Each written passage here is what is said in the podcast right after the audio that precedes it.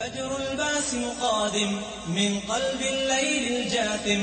الفجر الباسم قادم من قلب الليل الجاثم. وربيع الأمة آت من بعد شتاء قادم. الفجر الباسم قادم الفجر الباسم قادم من قلب الليل الجاثم. الفجر الباسم قادم من قلب الليل الجاثم. وربيع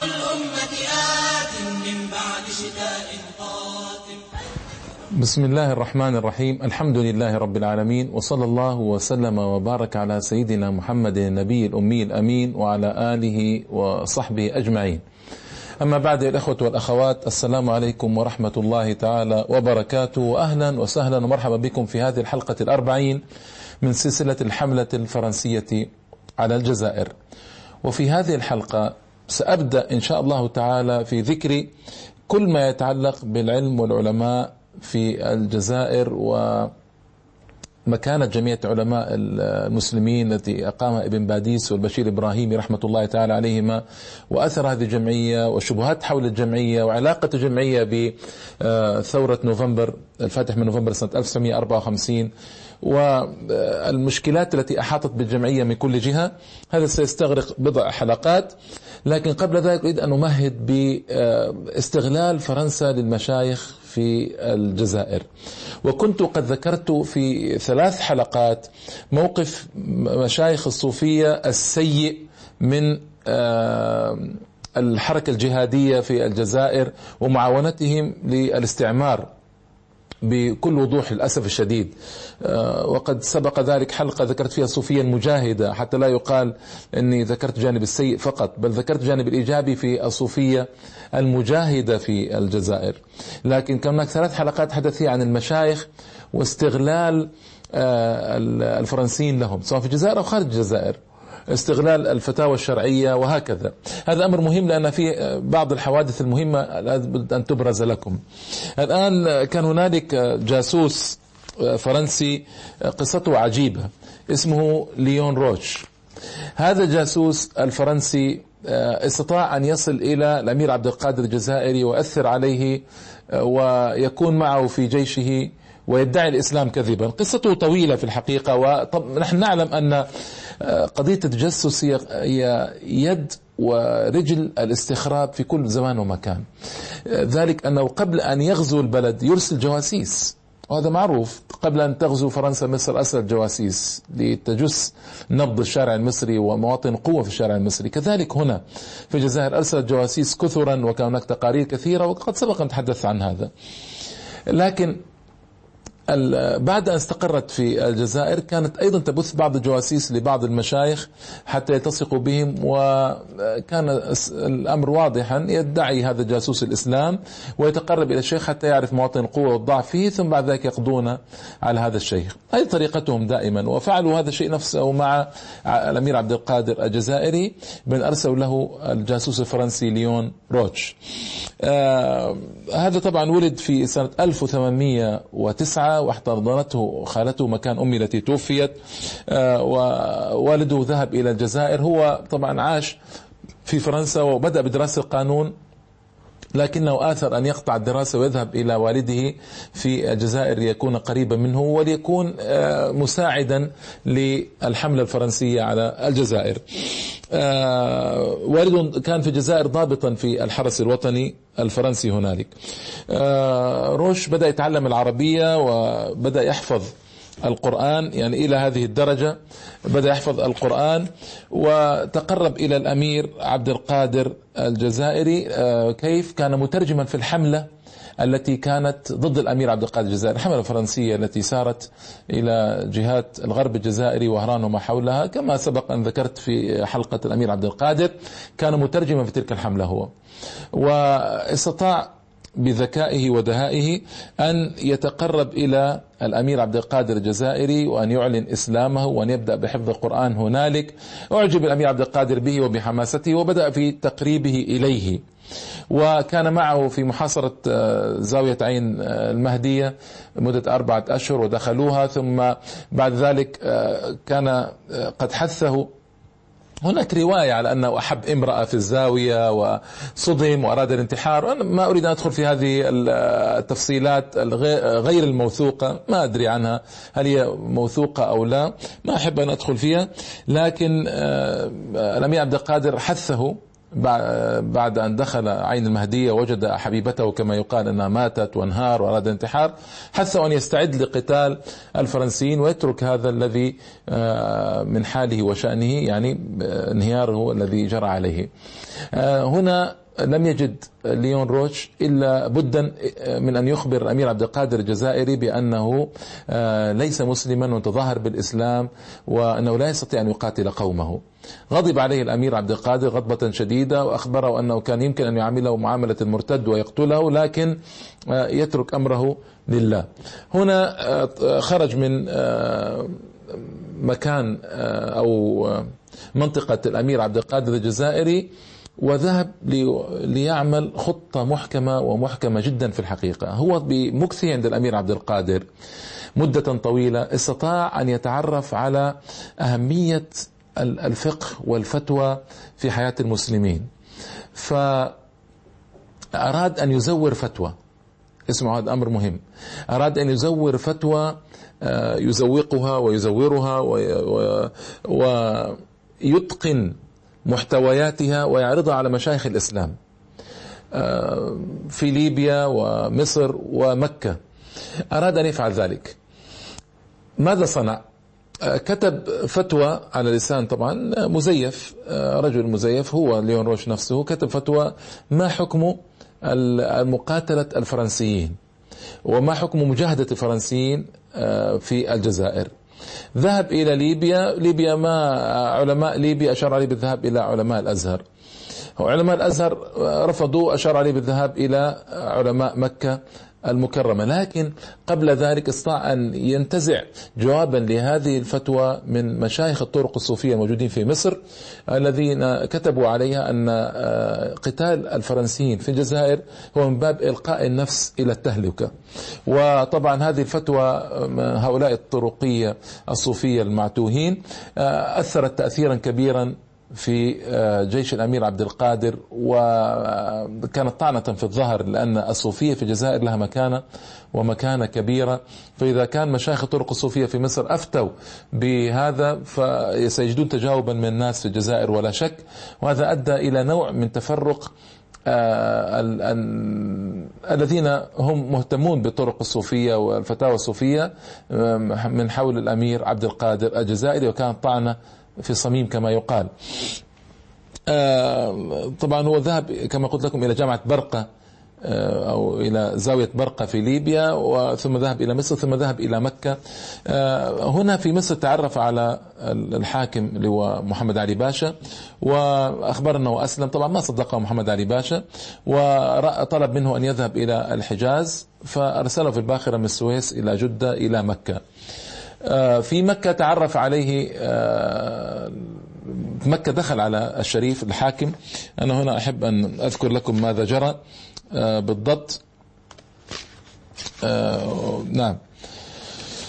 في مكة ذهب إلى الشريف وحاول أن يجمع له العلماء وفعلا كل العلماء وافقوه على مضمون أو فحوى الفتوى إلا الشيخ الكبير محمد بن علي السنوسي. محمد بن علي السنوسي الليبي المشهور هو الذي خالف هذه هذه هذا الحكم في تلك الفتوى ورفض أن يصدق عليه آه، الشيخ الكبير محمد بن علي السنوسي. وطبعا آه، هنا أراد أن يذهب إلى الحج وفعلا ذهب إلى الحج. في عرفات تعرف عليه بعض الجزائريين فنادوا النصراني النصراني آه، طبعا آه، هنا أوشك أن يقتل فحمله ستة من العبيد. تبين أن هؤلاء العبيد كلفهم محمد علي بالاقتراب كثيرا من ليون روش أن يكونوا معه حماية له. أخذوه وأوثقوه على جمل سريع إلى مكة. وبعد ذلك آه، إلى جدة أعني ومن جدة آه، استقل الباخرة إلى مصر مرة أخرى. هذه قصة ليون روتش الجاسوس الفرنسي. وهذه القصة مؤثرة لأنها في الحقيقة تبين ماذا يصنع الفرنسيون وكيف يستطيعون أن يشقوا الصف الإسلامي. آه، ليون روش لما خرج من عند عبد القادر الجزائري بقي قرابة ثلاثين سنة. يسيح في الأرض الإسلامية حتى يتعرف على المسلمين ويدخل إلى أعماق أعماقهم. وهذا يدلنا كيف جلد هؤلاء. كيف يعملون لنصرة دينهم ولنصره آه، استبدادهم وطغيانهم واستخرابهم في البلاد الإسلامية. ثلاثون سنة حتى أنه له كتاب آه، اسمه اثنان أو ثنتان وثلاثون سنة في الإسلام. ثنتان وثلاثون سنة في الإسلام. تنقل كثيرا وفي البلاد الإسلامية حتى يعرف مكامن الضعف والقوة في البلاد الإسلامية.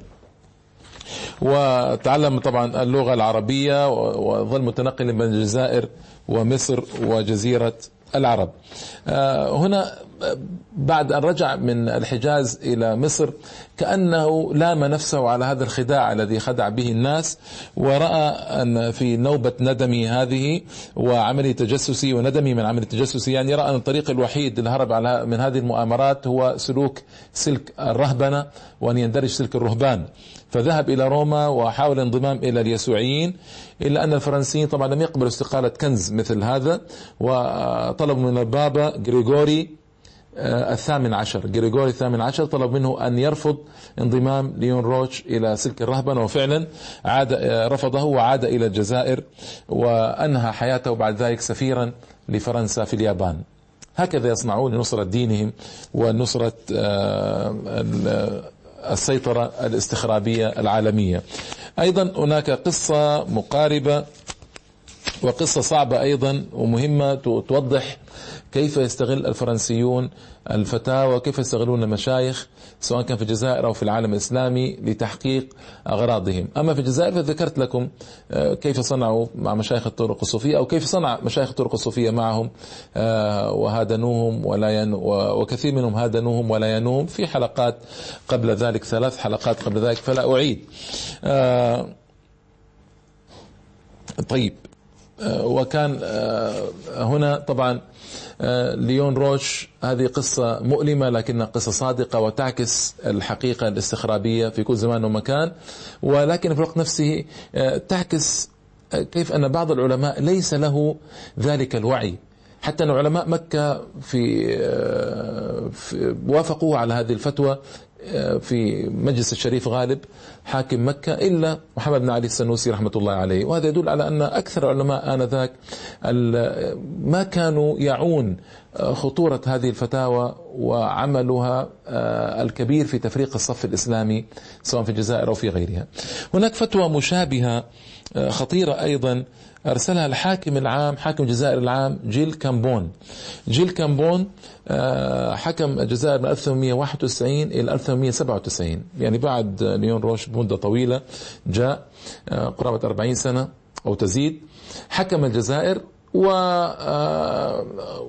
آه، استيلائهم على قرارة وقرارة هذه منطقة في جنوب الجزائر جنوب غرب الجزائري استولوا عليها وكانت مدخلهم إلى بلاد السودان الفرنسي.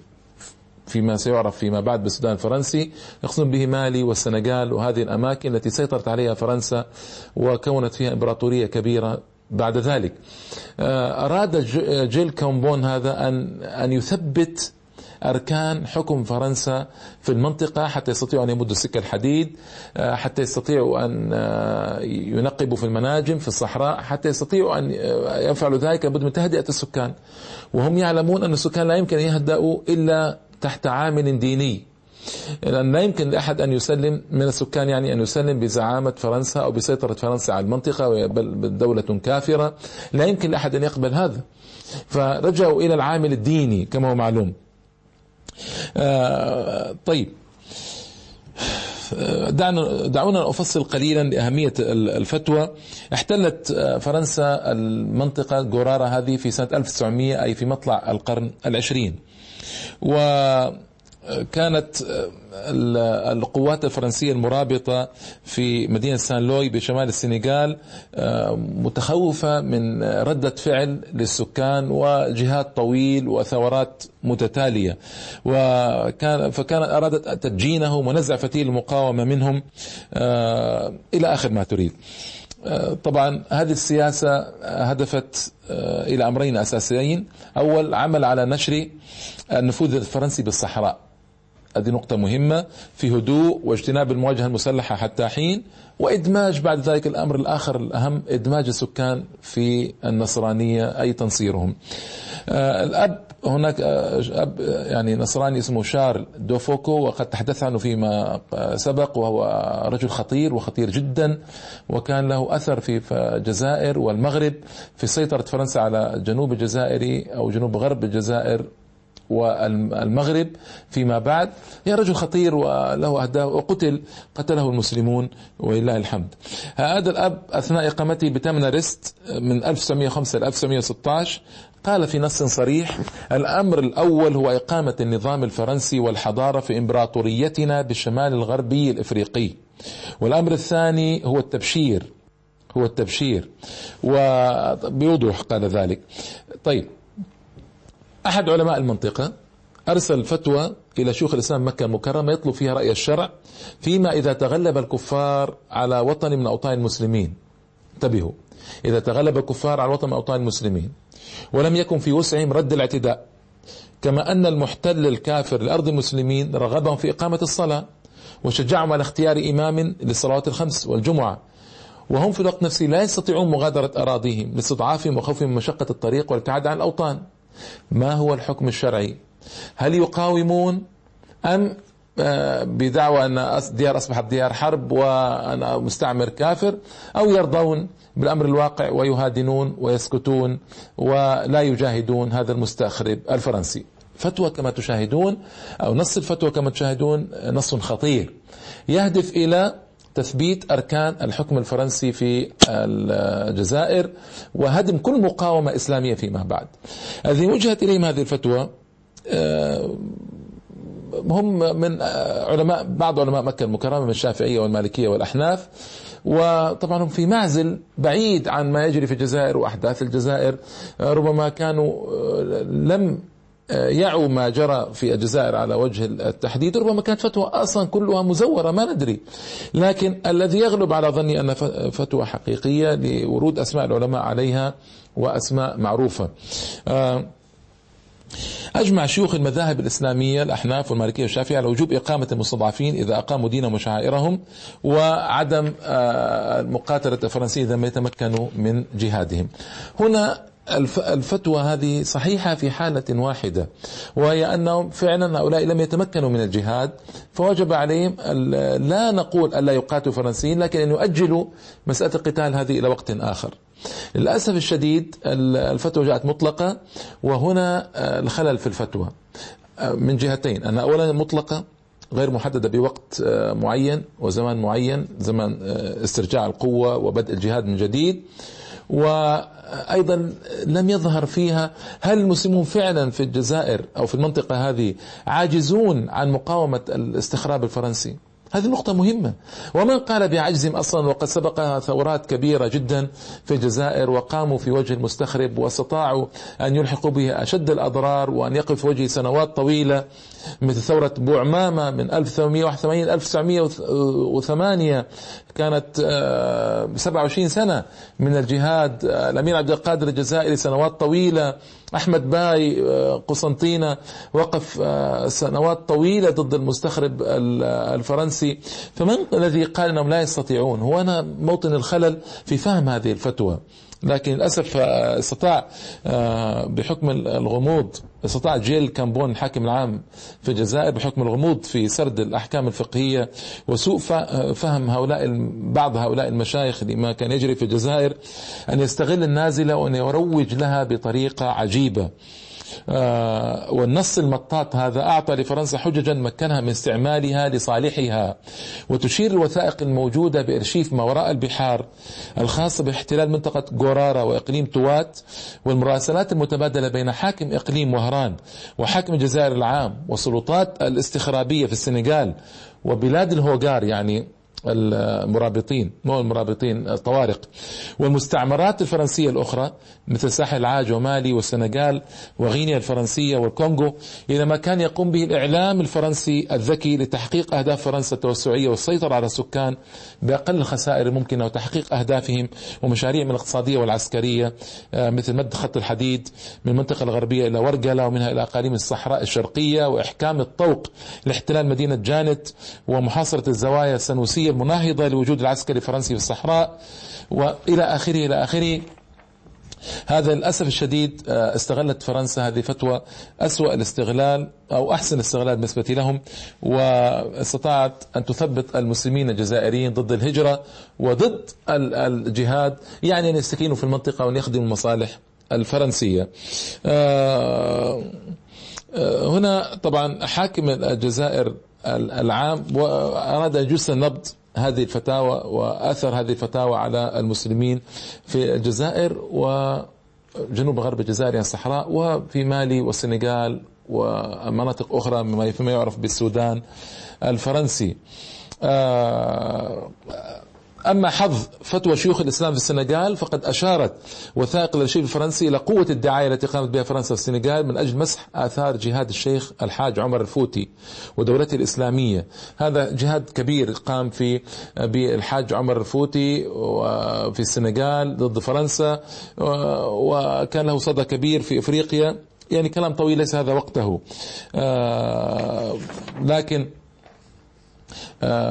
استطاعت فرنسا فعلا أن تستفيد فائدة كبيرة من هذه الفتوى.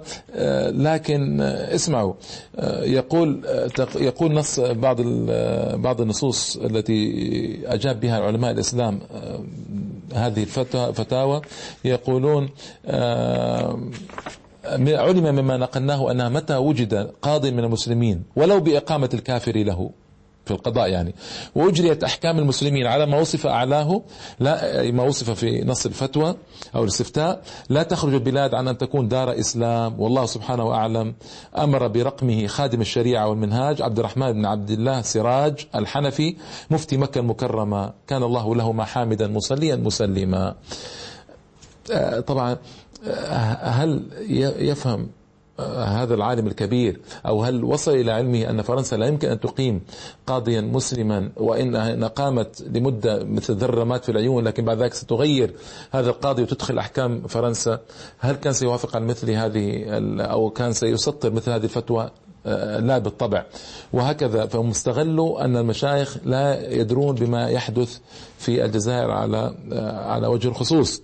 وأيضا آه، هنا أيضا عالم آخر اسمه مشهور اسمه محمد سعيد بن محمد بابصيل مفتي الشافعية بمكة المحمية يقول أما بعد فإني قد نظرت فيما أفاده السادة الأعلام فيقول لا تجب مقاومة الكفار مع عدم القدرة. وجواب السؤال الثالث أن بلاد الإسلام لا تصير باستيلاء الكفار عليها دار حرب. وقال نظرت فوجدته هو الصواب المعول عليه ولا يكون اعتماد إلا عليه. وأيضا آه، مفتي السادة المالكية بمكة المحمية محمد عابد ابن المرحوم الشيخ حسين وهم مالكية مشهورون في مكة. طبعا عندما تأتي بهذه الفتاوى مكة لها أثر كبير على المسلمين في الجزائر وفي آه، السودان الفرنسي فيما يعلم آنذاك يعني. هناك آه، آه، حاكم السودان الفرنسي اسمه جرودي أرسل رسالة إلى نائب كاتب الدولة للمستعمرات آه، قال طلبت مني تسليم نسخا من الفتاوى التي ورد فيها رد شيوخ المذاهب الثلاثة الأحناف والشافعية والمالكية على ما طلبه حاكم الجزائر العام جيل كومبون لمعرفة شرعية خضوع المسلمين تحت سيطرة الكفار. طلبت مني تسليم هذه النماذج إلى عواننا الضباط أو موظفين الموجودين في الأقطار الإسلامية. يقول في دهاء شديد هذا الحاكم السودان الفرنسي إن الدراسة المعمقة لهذه الوثيقة تجعلني أفكر بأنه غير مناسب من غير المناسب تبليغها إلى أتباع الإسلام الموجودين بالسودان الفرنسي. طبعا وحجته في هذا أن هؤلاء يقول هؤلاء الموجودون في السودان الفرنسي قوم محدودو الوعي محدودو الفهم ليسوا مثل الشعب الجزائري. وأخشى يقول أن تثير الفتوى بينهم مشكلة كبيرة لا نستطيع التحكم فيها. يقول في مثل هذه الظروف ونظرا لأسلوب الفتوى الملتوي لاحظوا فإن يتوجب علينا الحذر وفي اعتقادي أن مفعولها غير مجد وربما يكون عكسيا فالمرابطون أي المسلمون المجاهدون سيتحفظون منها. يتبين لي عدم آه، من المستحسن عدم نشر هذه الفتوى في هذه الآونة. اللهم إلا إذا صادفنا مرابطا لهم الذكاء والفهم يمكنانه من شرحها للمسلمين في الاتجاه الإيجابي الذي يخدم مصالحنا وهيمنتنا على السودان الفرنسي. الإمضاء قرودي. لاحظتم كيف يصنعون؟ آه وأيضا موريس لولو آه حاكم آه، نيابة كتابة الدولة للمستعمرات هو كان نائبا لكاتب الدولة للمستعمرات أوصل هذا إلى حاكم الجزائر العام. لكن آه، هنالك بعض البلدان التي تقع تحت الحكم الفرنسي قبلت هذه الفتوى ونشرتها. آه، مثل السادة حكام يقول السادة حكام غينيا الفرنسية وساحل العاج يقترحان نشر هذه الفتوى في كل بقاع هاتين المستعمرتين. ورأوا جدوى نشر هذه الفتوى بين المسلمين هنالك. إذا هم في فتواهم هذه يحاولون قدر الإمكان آه، باستغلال هذه الفتوى يعني يحاولون قدر الإمكان تثبيت أركان الحكم الفرنسي في الجزائر. أنا في الحقيقة ما ألوم كثيرا آه، هؤلاء المشايخ الذين كتبوا نص هذه الفتوى لكن لي عتاب في شيء واحد محدد جزئي وهو أنه كان ينبغي أن ترتبط بزمن القدرة. فإذا قدر يقولون إذا قدرتم على حرب هؤلاء من جديد وإعلان جهاد عليهم وجب إعلان جهاد عليهم لأنه من المعلوم من القواعد المعلومة في الشرع أن إذا نزل عدو ديار المسلمين يجب على كل الناس أن يقوموا ويهبوا فيما يعرف بجهاد الدفع. وأنه إذا لم يستطيعوا فإنهم يتحينون فرصة الاستطاعة يتحينون فرصة الاستطاعة ليهبوا من جديد في جهاد جديد. للأسف الفتوى كانت يعني هو الفرنسي يقول أسلوبها ملتوي آه، نص آه، الاستفتاء يعني. فالفتوى كانت آه، بموجب ذلك الاستفتاء الملتوي كانت غامضة أيضا. فكان ينبغي أن تربط بزمان معين محدد وهو زمان القدرة من جديد. هذا لو سلمنا أنه ليس هناك قدرة وهذا أيضا لا يسلم. آه، أيضا كان ينبغي على العلماء أن يستوثقوا من مصدر هذه الفتوى وأن يعرفوا أن مصدرها آه، مشبوه لأن في ظل النزول الفرنسي على الجزائر كل ما يصدر من فتاة أو استفتاءات آنذاك كان ينبغي أن يدرس بتعمق عندما جاءت هذه الفتوى إلى مكة المكرمة. كان ينبغي أن تدرس من قبل هؤلاء المفتين بتعمق وينظروا في شأنها والبلبلة التي يمكن أن تحدث إزاء نشر مثل هذه الفتاوى في الجزائر وما سوى الجزائر. ف يعني ما كان في ظني ما كان الجواب مناسبا من قبل هؤلاء العلماء الأعلام العظام رحمة الله تعالى عليهم. واستطاع الاستخراب الفرنسي أن يستفيد من هذه الفتوى بنشرها نشرا واسعا في الجنوب الجزائري وفي السودان الفرنسي غينيا وساحل العاج والكونغو والسنغال إلى آخر ما صنعوا آه، ما صنعوا هؤلاء.